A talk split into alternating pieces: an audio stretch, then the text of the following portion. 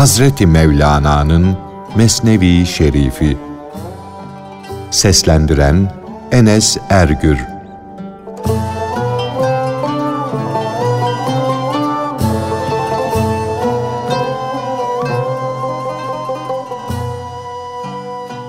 Kuş ve Avcı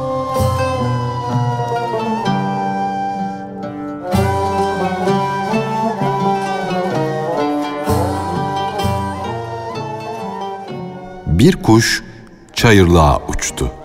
Orada av için bir tuzak kurulmuştu. Avcı yere birkaç tane yem atmış, kendisi de orada pusuya yatmıştı. Zavallı kuşu yakalamak için kendisini otlarla, yapraklarla gizlemişti. Kuşcağız onu tanımadan geldi, avcının etrafında dolaşmaya başladı. O avcıya sen kimsin ki böyle yeşiller giymiş, gelmiş ovada bu vahşi hayvanlar arasına katılmışsın?" dedi. Avcı, "Ben dünyadan elini eteğini çekmiş bir zahidim. Burada otlarla kanaat ediyorum. Ot yiyerek geçiniyorum." dedi. Ecelimi çok yakın gördüm de zahitliği, Allah'tan korkmayı kendime din ve iman olarak seçtim. Komşunun ölümü bana ders oldu. Vaaz edici oldu. Kazancımı, dükkanımı birbirine vurdu. Yıktı, mahvetti. Madem ki sonunda yapayalnız kalacağım, bu sebeple kadın olsun, erkek olsun kimseyle düşüp kalkmamalıyım.'' Madem ki sonunda mezara gireceğim, Cenabı Hak'la yaşamaya alışmam lazım. Ey güzelim, değil mi ki sonunda çenemi bağlayacaklar? Çenemi az oynatmam, az konuşmam daha iyi. Ey altın sırmalı esvaplar giymeye, altın kemerler kuşanmaya alışmış kişi, sonunda sana yensiz, yakasız, dikilmemiş gömlek giydirecekler. Yüzümüzü toprağa doğru çevirelim. Çünkü aslımız odur. Ondan geldik. Onunla yoğrulduk. Ne diye başka vefasızlara gönül bağlayalım? Bizim atalarımız, hısım ve akrabalarımız eskiden beri dört unsur, dört tabiat. Öyle olduğu halde biz tuttuk, iğreti akrabalara bağlandık. Uzun yıllar boyunca insanın vücudu bu dört unsurla arkadaşlık etti, dostluk kurdu. İnsanın ruhu da ruhlar aleminden, akıl aleminden geldi. Ne yazık ki o da aslını, geldiği yeri unuttu. Ruh aleminde bulunan ve henüz şu kirli dünyaya gelip maddi varlığa bürünmeyen o tertemiz ruhlardan, akıllardan, dünyaya gelip tene yerleşen ruha, ''Ey aslını unutan vefasız'' diye mektup geliyor. Mektupta diyorlar ki, ''Ey geldiği asıl vatanını unutan vefasız'' şu madde dünyasına geldin, beş günlük sefil, uygunsuz dostlar buldun. Eski dostlardan yüz çevirdin. Her ne kadar küçük çocuklar oyundan hoşlanırlar, oyuna dalarlarsa da akşam olunca büyükleri onları çeke çeke evlerine götürürler. Küçük çocuk oyun oynarken soyundu hırsız da geldi, elbise ile ayakkabısını aldı gitti.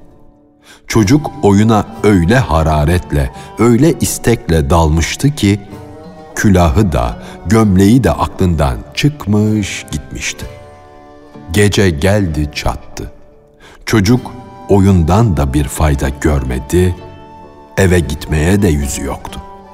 Dünya hayatı ancak bir eğlence, ve oyundan ibarettir. Ayetini işitmedin mi ki kıymetli ömrünü boş yere harcadın? Şimdi de korkuyorsun. Gecenin karanlığı bastırmadan elbiseni ara.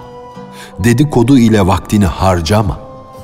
İşte ben de ovaya düşmüş, halvete çekilmişim. Çünkü halkı elbise hırsızı olarak görmüşüm. Ömrün yarısı gönül alan sevgilinin peşinde koşmakla geçti.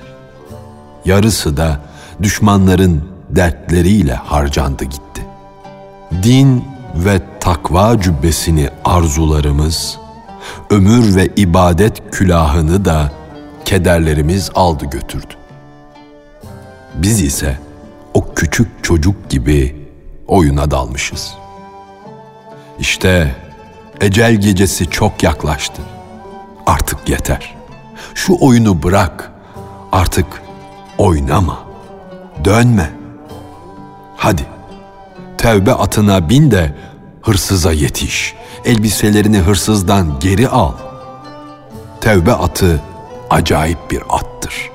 Bu at insanı şu süfli alemden, şu alçak dünyadan alır, göğün en yüksek mertebesine çıkarır. Fakat atını da elbiseni gizlice çalan hırsızdan koru. Dikkatli ol. Kuş, hoca dedi. Yapayalnız oturma.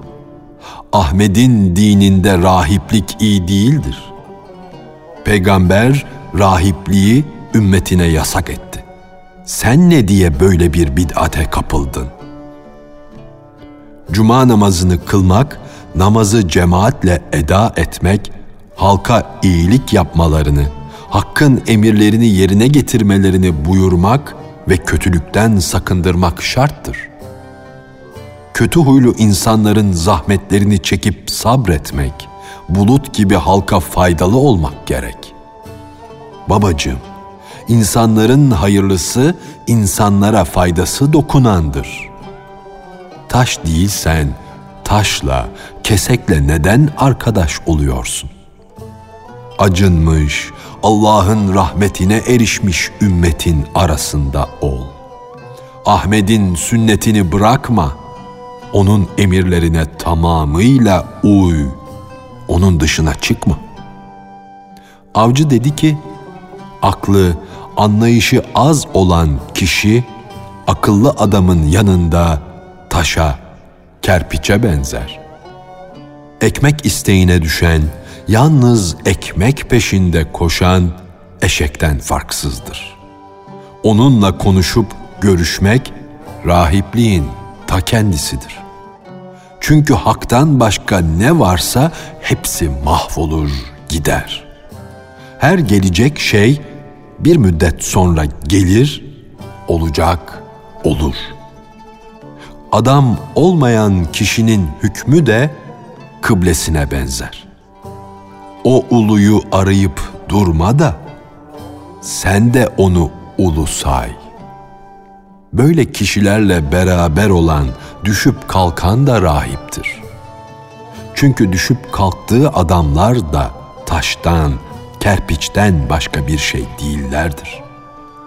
Hatta onlar taştan ve kerpiçten de beter varlıklardır. Çünkü taş ve kerpiç kimsenin yolunu vurmaz. Fakat bu kerpiç gibi olan kişilerden insana yüz binlerce afet gelir.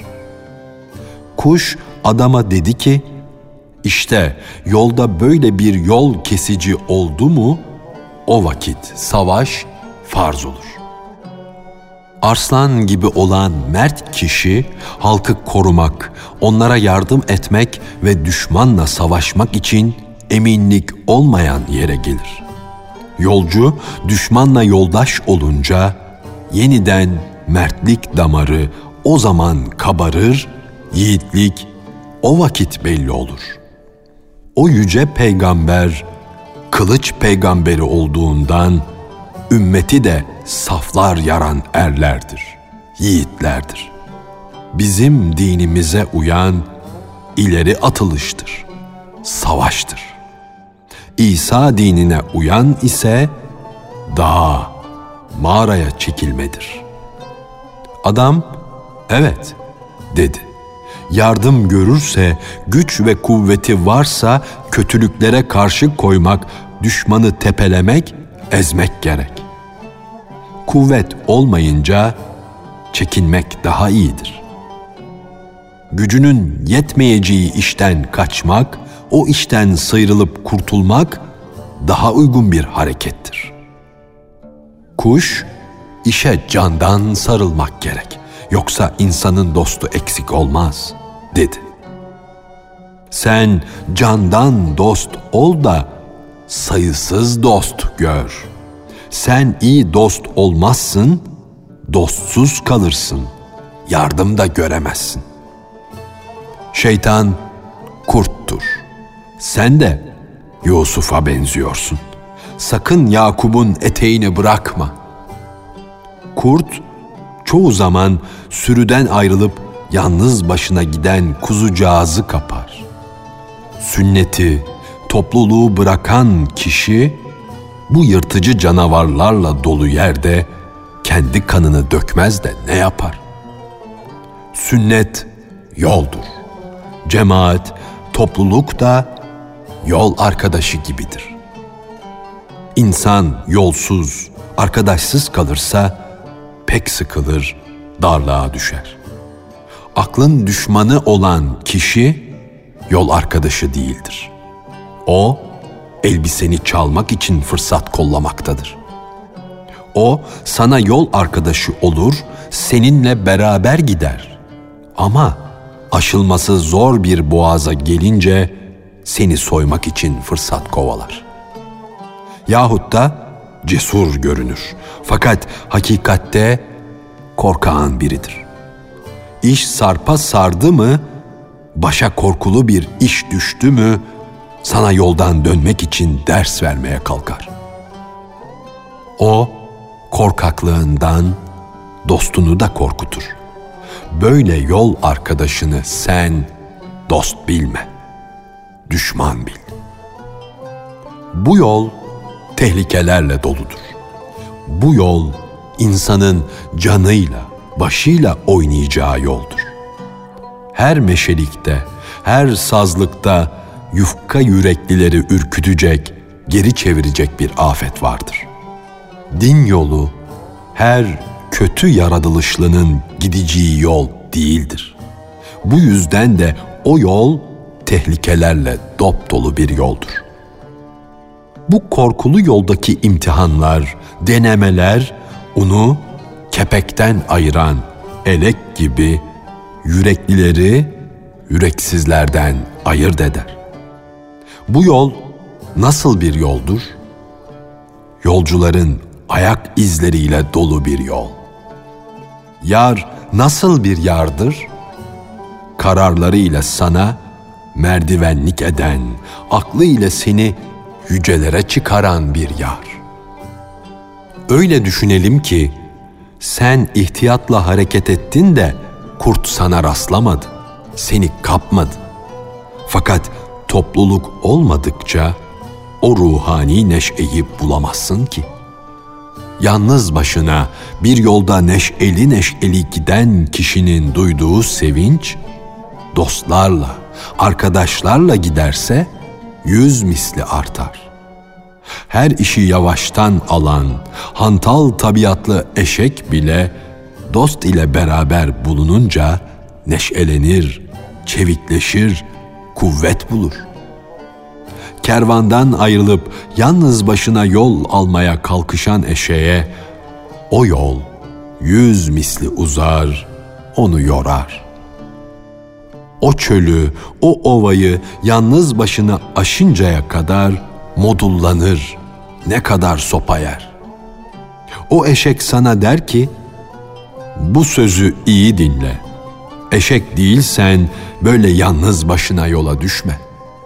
Yolu gözeterek yalnız başına güzel güzel yürüyüp giden şüphe yok ki arkadaşlarla, dostlarla daha hoş gider.'' daha hoş yol alır. Bu hak yolunda her peygamber mucize gösterdi. Arkadaşlar aradı. Duvarların yardımı, desteği olmasaydı evler, ambarlar ayakta durabilir miydi? Her duvar öteki duvarlardan ayrı olsa tavan havada direksiz, dayanaksız nasıl durabilirdi? Cenab-ı Hak her cinsi çift yarattı. Bu yüzden bu neticeler cemiyetten, toplum hayatından belirdi. Varlıklar çoğaldı. Böylece avcı söyledi, kuş söyledi. Bu mevzudaki konuşmalar uzadı gitti. Ondan sonra kuş, bu buğdaylar kimin diye sordu. Avcı, vasisi bulunmayan bir yetimin dedi. Bu yetim malını beni emin bildikleri için bana emanet ettiler. Kuş dedi ki, ben pek açım, pek perişanım. Şu anda leş bile bana helal olur. Ey emin, ey zahit, ey muhterem kişi. Hadi izin ver, müsaade et de şu buğdaylardan yiyeyim. Avcı, zaruret olunca haramın bile helal olacağına dair fetva veren sensin. Ama zaruret yok iken yersen suçlu sayılırsın. Zaruret olsa da yememen daha iyi. Ama yiyeceksen bari parasını ver, dedi. Kuş o anda kendinden geçmiş, aklını kullanamaz hale gelmişti. İradesini kaybetmişti. O buğdayları yedi ama tuzağa düştü kaldı. Başı derde girince kurtulmak için ne kadar Yasin okudu, ne kadar En'am okudu. Bela gelip çattıktan sonra ağlamak, feryat etmek, sızlanmak ne işe yarar? Bu ah ve feryat tuzağa düşmeden önce gerekirdi. Hırsın kabardığı, hevesin coştuğu zaman ey feryada erişen Allah'ım demelisin. Basra'nın yıkılmasından, harap olmasından evvel pişman olmak gerek. O pişmanlık belki de Basra'yı harap olmaktan kurtarırdı. Ölmeden evvel benim için feryat et. Başına toprak saç. Ölümden sonra ağlama, sabret. Ben felakete düşmeden, helak olmadan önce bana ağla. Felaket tufanından sonra ağlamayı bırak. Şeytan yolunu vurmadan önce Yasin okuman gerek. Ey kervan başı! Hırsızlar kervanın yolunu kesmeden sen hayvanını sopa ile döv de yol alsın.